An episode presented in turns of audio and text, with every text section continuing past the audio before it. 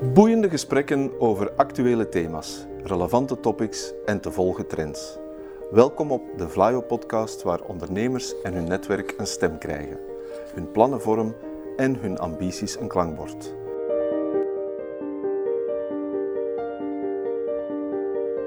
To the point waar het kan, dieper gravend waar het moet. Inspirerend, informerend, ondersteunend.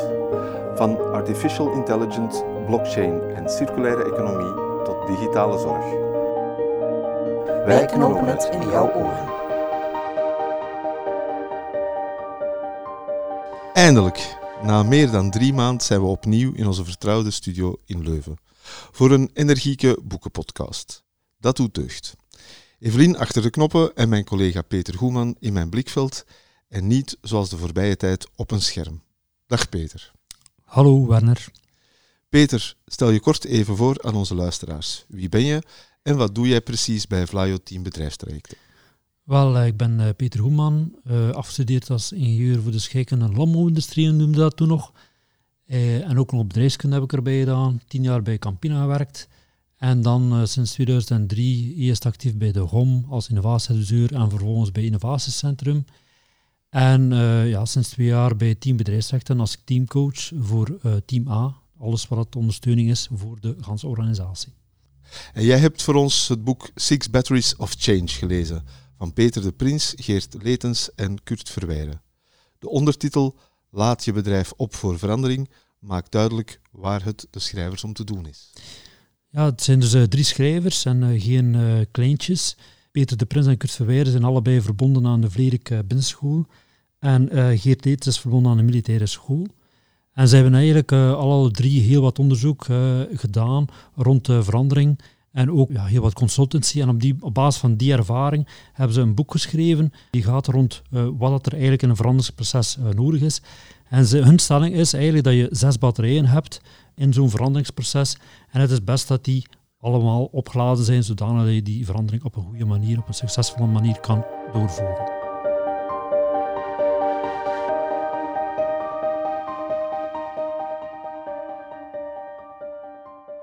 Welke zes batterijen hebben we het? Wel, um, je kan eigenlijk die uh, zes batterijen gaan opsplitsen in een uh, assenstelsel, waarbij je de aan de, in de horizontale as aan de linkerkant het strategische hebt, aan de rechterkant het operationele, en in de verticale as bovenaan het formele en onderaan het uh, informele of het emotionele. Dus dat is eigenlijk het assenstelsel. En dan kun je eigenlijk die zes batterijen daarin gaan plaatsen. Als je dan kijkt aan de bovenzijde, dus bij het rationele formele, dan heb je heel links op de kant van de strategie, ja, uiteraard het, het vast hebben van een bepaalde duidelijke strategie, een focus, een richting voor de organisatie. Uh -huh. uh, dat noemen ze de intellectuele energiebatterij. De tweede batterij is de rationele batterij. Daar gaat het over systemische energie. Eigenlijk denken aan een, een goede managementstructuur die ervoor nodig is om de business te kunnen runnen, uh, de business op te bouwen. De derde rationele batterij is uh, die van de fysieke energie. Uh, daar hebben we het over implementatie en actieplanning.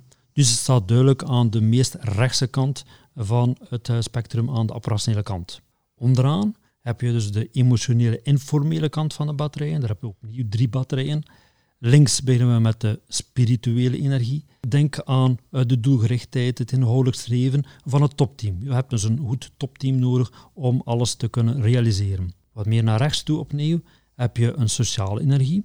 Dan spreek ik over de cultuur. Een gezonde cultuur hebben, samenhang hebben tussen de mensen. En vervolgens opnieuw rechts aan de operationele kant de psychologische energie, eh, waar we het hebben over een sterke band tussen de medewerkers, het verlangen en de mogelijkheid om de verandering te omarmen en zich te kunnen engageren. Nu samengevat, als je die zes batterijen bekijkt, eh, dan gaat het dus eigenlijk over één, een duidelijke strategische richting, Twee, een krachtige managementinfrastructuur. Ten derde, een actieplanning en implementatie. Een ambitieus topteam. Een gezonde cultuur. En tenslotte een sterke band met de medewerkers.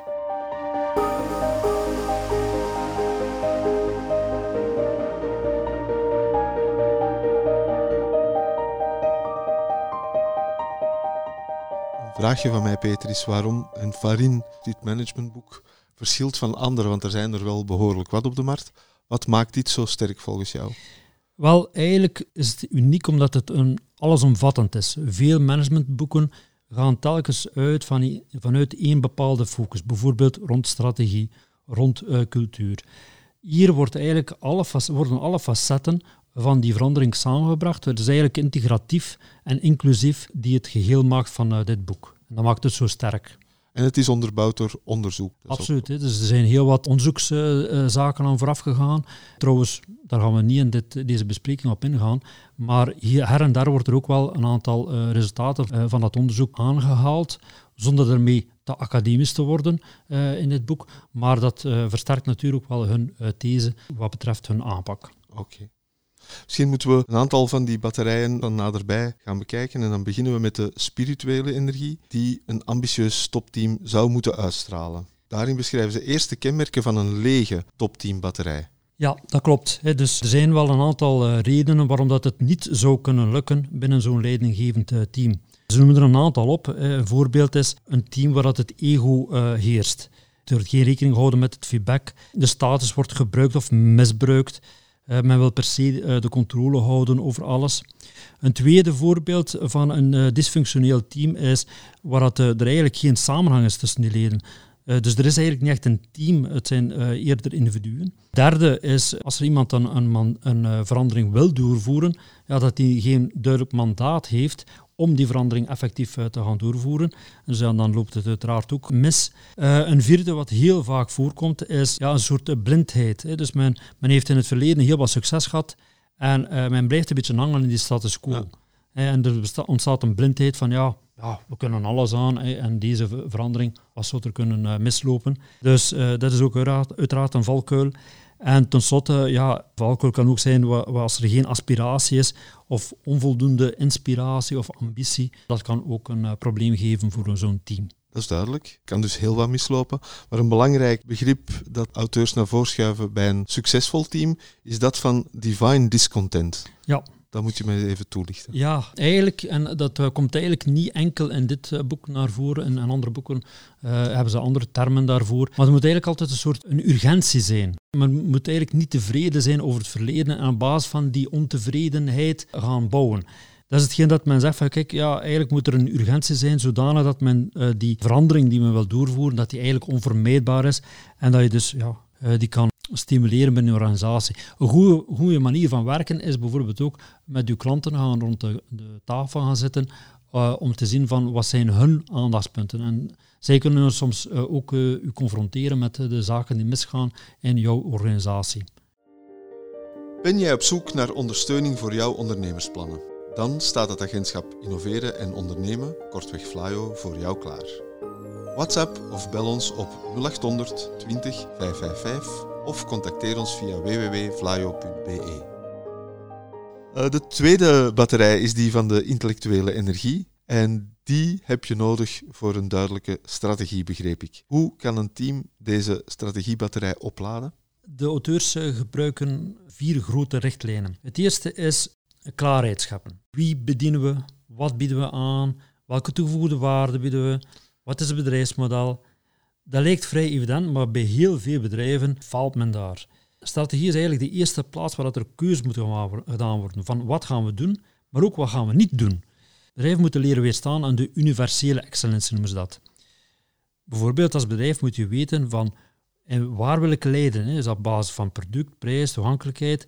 En je zou moeten weten van in welke top, waar wil ik staan in de top 3 bij mijn klanten? In welke top 3 wil ik staan bij mijn klanten? En waar wil ik in de middenmoot staan? Dus je hoeft niet per se overal uh, te gaan excelleren.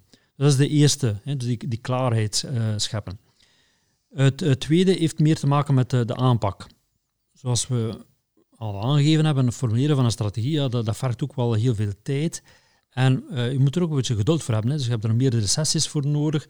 Uh, en begint altijd op een, op een uh, directiecomité, waarop men eerst zoekt naar de consensus van wat is eigenlijk de richting waar we naartoe willen, hebben we daar een consensus over. Pas dan, op een, in een volgende stap, gaan we naar een middenkader, waar het eventueel ook high potentials worden betrokken, die dan eigenlijk dat plan dat men op een hoger niveau gestipuleerd heeft, gaat verder scherper stellen, robuuster maken. En dan pas in laatste fase gaat men dan een strategieverhaal opbouwen om mee te delen aan de ganse organisatie, zodanig dat er ook een, een vertrouwen en een begrip wordt gecreëerd bij de ganse groep. Het derde heeft te maken met het verleden. Uiteraard is het belangrijk dat je ook om een goede toekomst te kunnen realiseren, ook weet hoe dat het verleden in elkaar was. Hè. Dus het Janus-moment noemt men dat. Dus het terugblikken van naar de bedrijfssituatie, de concurrenten, eh, de klanten en op eh, dezelfde vlakken ook eh, tegelijkertijd naar de toekomst gaan kijken. Daarnaast moet je ook natuurlijk kijken naar trends die er zijn in de markt, effecten van die evoluties op de toekomstige omzet en zo verder. Dan het vierde is dan hier, heeft hier te maken met exploiteren en onderzoeken. Denk bijvoorbeeld aan een organisatie die iets totaal nieuws wil doen.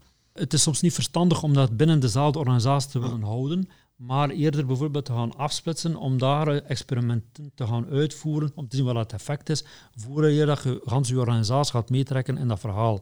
Ja, maar dat zou kunnen een stukje besmetting uh, creëren als dat dan niet uh, goed ja. afloopt. Ik onthoud toch voornamelijk de keuzes maken en ik las ook dat, ze daar, dat daar heel veel bedrijven moeite mee hebben om te vertellen wat ze niet willen doen. Iedereen wil graag zoveel mogelijk doen of zoveel mogelijk goed doen.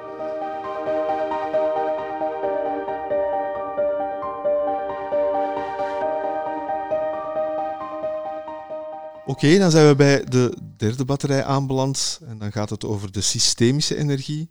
Waarvoor dient zulke systemische energie? En hoe kan je zien dat er lekkage aan je batterij is? Ja, wel, systemische energie, dan gaat het over de managementinfrastructuur. Uh, Ik denk, uh, toen we begonnen aan uh, de bovenste as, het rationele, ongeveer in het midden. Daar, hadden we, daar hebben we dus ook een aantal voorbeelden waar het verkeerd zou kunnen lopen. Een van de dingen is uh, dus wat men noemt de stuiterende bal. Hè. Men gaat eerst doen en dan pas uh, denken. Dat is natuurlijk uh, niet altijd oké. Of de Hell's Kitchen. Dat betekent, we gaan heel veel veranderingen tegelijkertijd doorvoeren, met gevolg dat mensen overweldigd geraken. Er worden geen prioriteiten gesteld. Ik denk ja, dat natuurlijk wel een bepaalde stress kan veroorzaken bij de mens. Trouwens, even heel terzijde. We, we bekijken nu elk van die zes batterijen, maar die zes batterijen zijn niet onafhankelijk van elkaar. Het is niet omdat twee batterijen volgeladen zijn en die ene, daar kijken we niet achter. Nee, het moet effectief al, elk van die zes batterijen moeten goed opgeladen zijn. En zoals je wel voelt hier in die Hell's Kitchen, als je ja, heel veel veranderingsinitiatieven hebt, ja, dat drukt op de mensen, je krijgt dan burn-out en zo verder. Dus dat heeft dan op een andere batterij weer al uh, invloed. Een uh, derde voorbeeld van wat er kan verkeerd uh, gaan is wat men, wat men noemt uh, de managing the holes. Hè. Dus eigenlijk ja, een beetje loodgieterij spelen. Vooral kijken naar de gebreken en die gaan oplossen. Ja. En tenslotte ehm, ja, heeft dat te maken met kennismanagement. Dus niet telkens het warm water willen uitvinden of het wiel gaan eruit vinden. Ja, er is eigenlijk een gebrek aan kennisbeheer. Men heeft ooit wel alles al een keer gedaan, maar ja, uh, telkens gaat men opnieuw van nul starten om uh, de dingen te gaan realiseren. Dat heeft met procescontrole of met het in kaart brengen van die processen te maken. Absoluut, ja.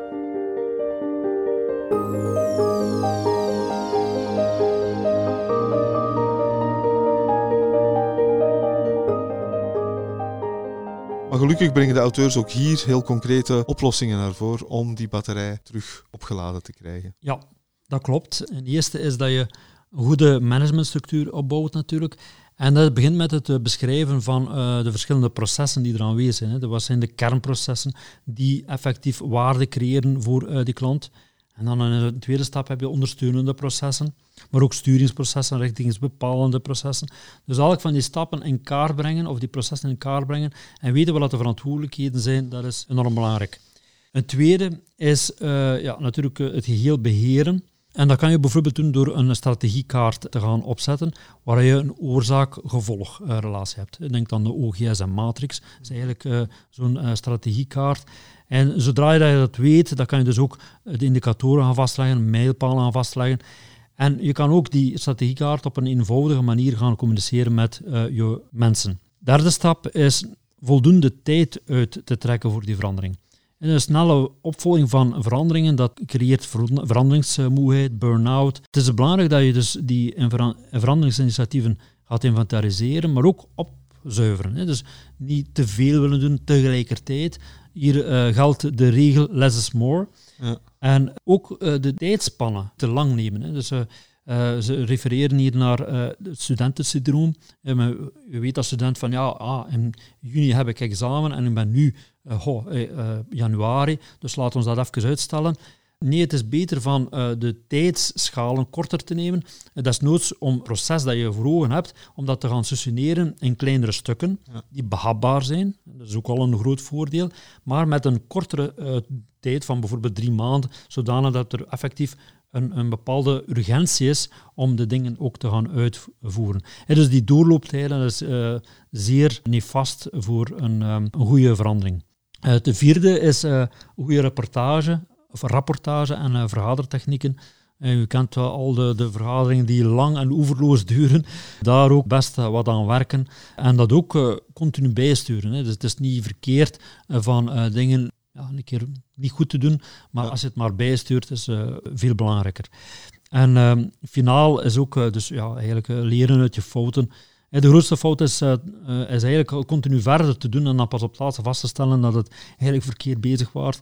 Het continue met kleine stapjes soms maar gaan verbeteren is belangrijk in zo'n proces.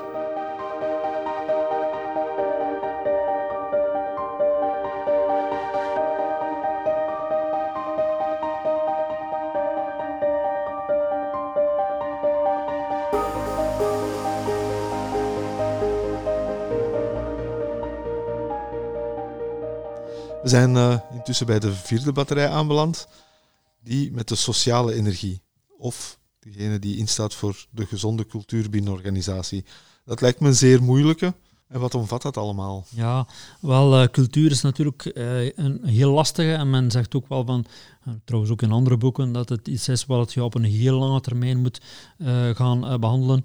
Hier gaat het dus over gedeelde basisaannames, overtuigingen, waarden die de groep aanleert en op die manier uh, iets leert om, om bepaalde issues te gaan uh, oplossen. Hier zijn er ook een aantal zaken die kunnen uh, verkeerd lopen. Er zijn heel wat voorbeelden die hier aangehaald worden. Ik haal er twee aan. Het ene is bijvoorbeeld een wollige cultuur, hè, waar dat er eigenlijk futloze waarden aanwezig zijn. Er is eigenlijk geen synergie tussen wat er gezegd wordt en de manier van handelen. En aan de andere kant, bijna heel extreem. Aan de andere kant heb je dan een cultuur die voornamelijk gericht is op conformiteit. Hè. Dus er is een obsessie voor regels, voorschriften en procedures. En het is bijna zo ver of zo, zo, overdreven dat eigenlijk de conformiteit aan de regels belangrijker is dan het, het behalen van de resultaten. Ja, dat is niet vast voor de feestvreugde. ja, absoluut. dus je kan dan wel heel goed je best doen, maar je hebt jammer genoeg uh, niet het juiste regel gevolgd. En ja, dan uh, word je erop aangesproken. Dat is een beetje jammer. En hoe suggereren de auteurs om die cultuurbatterij op te laden? Eerst, het belangrijkste is eigenlijk uh, toch wel goed te weten uh, wat er leeft in uw organisatie. Uh, dus je moet een beetje cultureel onderlegd worden. En ja, dat, dat neemt natuurlijk wel tijd. Dus goed begrijpen wat er aan het gebeuren is en dan pas gaan ageren. Belangrijk is van toch eerst te gaan focussen op die sterktes en dan pas de, de context te, te gaan aanpassen. Cultuur veranderen is dus vooral veel doen en dan zeggen. Daarnet hebben we het omgekeerde, maar hier is het echt vooral doen en, en dan zeggen. Je maakt van het nieuwe gedrag eigenlijk eh, de standaard en je stimuleert, maar even goed ga je ook wel uh, grenzen stellen. Het is een beetje like kleine kinderen. Uh, je moet af en toe ook grenzen stellen. absoluut. en, niet enkel stimuleren. Ja. Het scheppen van cultuur van moed is een volgende. Als topteam moet je eigenlijk de toon bepalen en moet je ook een rolmodel zijn. Uh, maar er, ook moet, moet ook voldoende transparantie zijn in beslissingen naar de mensen toe. Dus ze weten waarom dat iets zo is en niet anders. En wanneer is, is er een uitzondering dan toch toegestaan? Uh, ook het vestigen van een wij-cultuur kan helpen. En bijvoorbeeld wij-zinnen gebruiken. Hè, dus wij dit, wij dat. Dus het formuleren van een gezamenlijk standpunt en zorg ervoor dat mensen samenwerken en elkaar helpen. En tenslotte creëer je best een cultuur van mogelijkheden. Dat kan starten met open en eerlijke feedback tussen medewerkers en managers. Medewerkers meer autonomie geven, hoort daar ook bij. Uh, vergeet ook niet eh, de input van buitenstaanders. Laat je inspireren door anderen. Dat zijn uh, goede tips voor deze batterij. Wist je dat Vlaio bedrijfsadviseurs klaarstaan om jou als ondernemer te ondersteunen en te adviseren? Heb jij innovatieve plannen, ambities om te groeien of je bedrijf te transformeren? Dan helpen wij die graag waarmaken. We helpen je gratis om je plannen helder en scherp te krijgen. Verwijzen je door naar de juiste partners en kijken naar financierings- en subsidiemogelijkheden. Neem contact met ons op via www.flyo.be of mail naar info.flyo.be. Dan hebben we het over uh, volgende batterij, actieplanning en implementatie. Daarvoor heb je fysieke energie nodig. En hoe pak je dat precies aan? Wel, uh, de visie is hier uh, vooral te beginnen met een, een, een einde voor ogen. Uh, het waarom van de projecten is cruciaal. wat zijn de gewenste resultaten? Projecten moeten tegelijkertijd ook voldoende ambitieus zijn en regelmatig ook geëvalueerd worden. En ja, dan start je best met een projectcharter, waar dat duidelijk in staat waar je naartoe wilt, smart zijn. Dat document heeft ook een, een bepaalde reikwijdte aan, geeft ook bepaalde beperkingen en verwachtingen qua tijd, budget. En er is ook best iemand die uh, dat trekt, hè. dus een energieke kampioen spreken ze. maar tegelijkertijd ook een sponsor. Hè. Een sponsor wil zeggen iemand die dat project ook gaat verdedigen binnen een directiecomité en die dat stuurt en, en ondersteunt uh, moreel, praktisch. Uh, dat is heel belangrijk. Bij het opstarten van een project is het ook van belang een gedegen data-analyse te, te, gebruiken. Hè, dus dat je weet waarover dat het eigenlijk gaat. Wat, wat, is de huidige situatie, dat je dat toch wel goed in kaart uh, hebt. En op basis daarvan kan je dan creatieve oplossingen bedenken. Zodanig ehm, dat je de verandering ook kan meten of dat je Ja, ja en dat, je, weet waarover dat je spreekt. En, en dat uiteraard ook, als je een goede data-analyse hebt, dan kan je ook veel gemakkelijker mensen overtuigen van kijk, dat is de situatie, die is niet echt oké, we moeten hier gaan veranderen. Dus, en dat kunnen we op die manier gaan, gaan realiseren. Dus uh, zeker altijd wel een voordeel als je dat kunt uh, doen.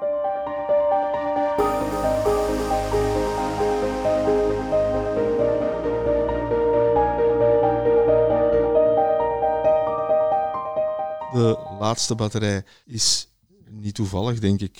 Verbinding, de auteurs spreken daar over de psychologische energie. Misschien beginnen met een aantal pijnpunten op te sommen. Ja, eh, het meeste voor de hand liggende is uh, als de communicatie vooral top-down gebeurt, hè, waar dat gedetailleerde plannen worden uitgewerkt en die dan bijna manu militare worden opgelegd. Ja, en hoe meer dat je verandering oplegt, des te sterker dat de negatieve impact is. Mhm. Er ontstaat uh, weerstand, stille weerstand, gelatenheid, de auteurs spreken over bohica. En bohica staat voor bend over, here it comes again. Dus de zoveelste verandering van, ja, oké, laat het maar komen. Uh, we hebben been there, been there done that. Uh, dus ja, dat is niet zo goed. Grappig, maar pijnlijk tegelijkertijd lijkt me. Ja. Hoe valt het te verhelpen dan? Wat moet je eraan doen? Ja, communicatie is een heel belangrijk element. En uh, best ook gebeurt alles met één stem. is one voice, one message. Dus duidelijkheid is primordiaal. Hoe duidelijker, hoe minder kans op speculatie ook, hoe minder kans op angst. Je kent het, er wordt iets verteld en iemand anders vertelt op een andere manier. En er, ja, er ontstaan uh, allerlei verhalen. En ja, eigenlijk kan u toehoorders gaan vragen van en wat was nu eigenlijk de boodschap die u gegeven hebt, dat kan soms al helpen. Uh, de auteurs hebben daar een, een, een, mooie figuur in gebracht, dat noemen ze smaller steepest. En eigenlijk komt het erop neer dat kleinere boodschappen geven een beter betere kans op uh, succes. Een uh, tweede element daarin heeft te maken met de psychologie. De verandering is pijnlijk. Kleine blijken van appreciatie kunnen een grote verschil maken. ook af en toe een keer reflectie inlassen. Ja, zoals men in de volksmond zegt, gedeelde smart is halve smart. Creëren van stabiliteit is een ander element. Het is beter om te bouwen op iets dat al bestaat, dan vooral hier dat je iets nieuws bent vaak uh, mensen denken van goh, verandering en er, er, gaat van alles veranderen in mijn job. Ja. En als je dat gewoon eens opleest en ook heel duidelijk zichtbaar maakt van kijk, ja. links staat uh, wat het nu is en rechts staat wat het gaat worden en je ziet dat er heel veel overeenkomsten zijn met het verleden, dat maakt de mensen ook al rustiger, want ze zeggen van, ah ja, oké, ja, er zijn veranderingen, maar er blijft ook heel wat gelijk. En dat uh, creëert toch een bepaalde uh, stabiliteit. Want als je dat eigenlijk niet doet, ja, dan heb je toch wel een kans op uh, burn-out. Finaal ook moet je komen tot een aantal niet onderhandelbare regels. Hè. Dus net zoals ik net zei, kinderen. Het is belangrijk dat je ook grenzen durft stellen. Ja, uiteraard moet je tenslotte ook wel je successen die er dan zijn, ook wel met elkaar gaan delen.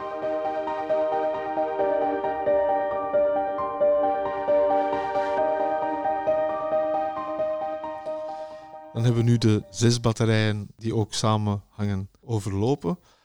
Uh, maar stel, daar komt een veranderingsproces aan. Hoe begin je daar nu aan? Hè? Waar, waar, waar start je? Hoe, hoe doe je dat? Met die? Ook daar zijn er verschillende boeken rond ons geschreven. Je hebt het model van Kotter die, die een bepaalde manier van, uh, van werken uh, doet. Je start eigenlijk altijd met een analyse van hoe zit het in onze organisatie met elk van die energiebronnen, met de energievreters. op basis van dat inzicht en de geschiedenis van de organisatie kom je tot een, een plan en ga je dan vervolgens de interventie gaan uitvoeren. Uh, het is belangrijk dat je een goede evenwicht hebt tussen die rationele en de emotionele kant van de verandering.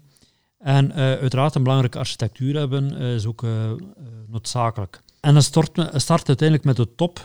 En vanuit de top laat je de energie eigenlijk doorstromen naar de kern van je organisatie. Belangrijk dat je duidelijke verantwoordelijkheden en rollen kunt vastleggen. En af en toe organiseer je best ook focus-events waar je dus de mensen terug samenbrengt, waar je die evolutie gaat uh, bespreken en waar je ook uh, verdere samenwerking kunt genereren. De voorbije twee jaar zijn we als team bedrijfstrajecten ook door een geweldige transitie, veranderingsproces.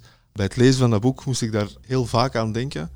Dus mijn vraag is, hoe, hoe, zie jij dat? Hoe zie jij het veranderingsproces van team bedrijfstrajecten ten opzichte van het boek? Ik, ik herkende ook wel heel wat dingen die wij gedaan hebben. Een aha-erlebnis, zoals men ja. dat pleegt te noemen ja, je ziet wel dat, dat, we heel wat dingen gedaan hebben voor ons boekje, laat het ons zeggen.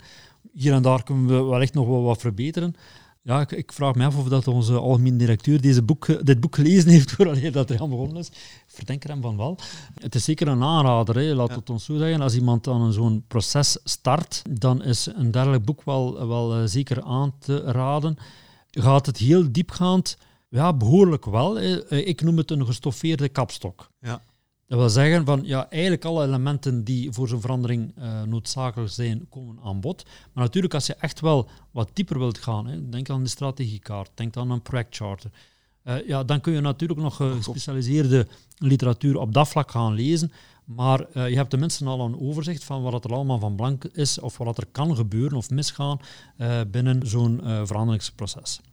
Trouwens, een van de dingen is, die de auteurs ook aangeven, is want kijk, zo'n veranderingsproces doe je best zelf. Het is niet dat men uh, uitsluit dat je hulp kan gebruiken van derden, maar uiteindelijk moet je het als organisatie nog wel altijd zelf, doen. En voelen eigenlijk. En voelen. En uh, ja. dat kan je niet door iemand extern laten uh, doen. dus het is zeker een, een, aanrader voor wie dat aan het begin staat of, of in een veranderingsproces zit.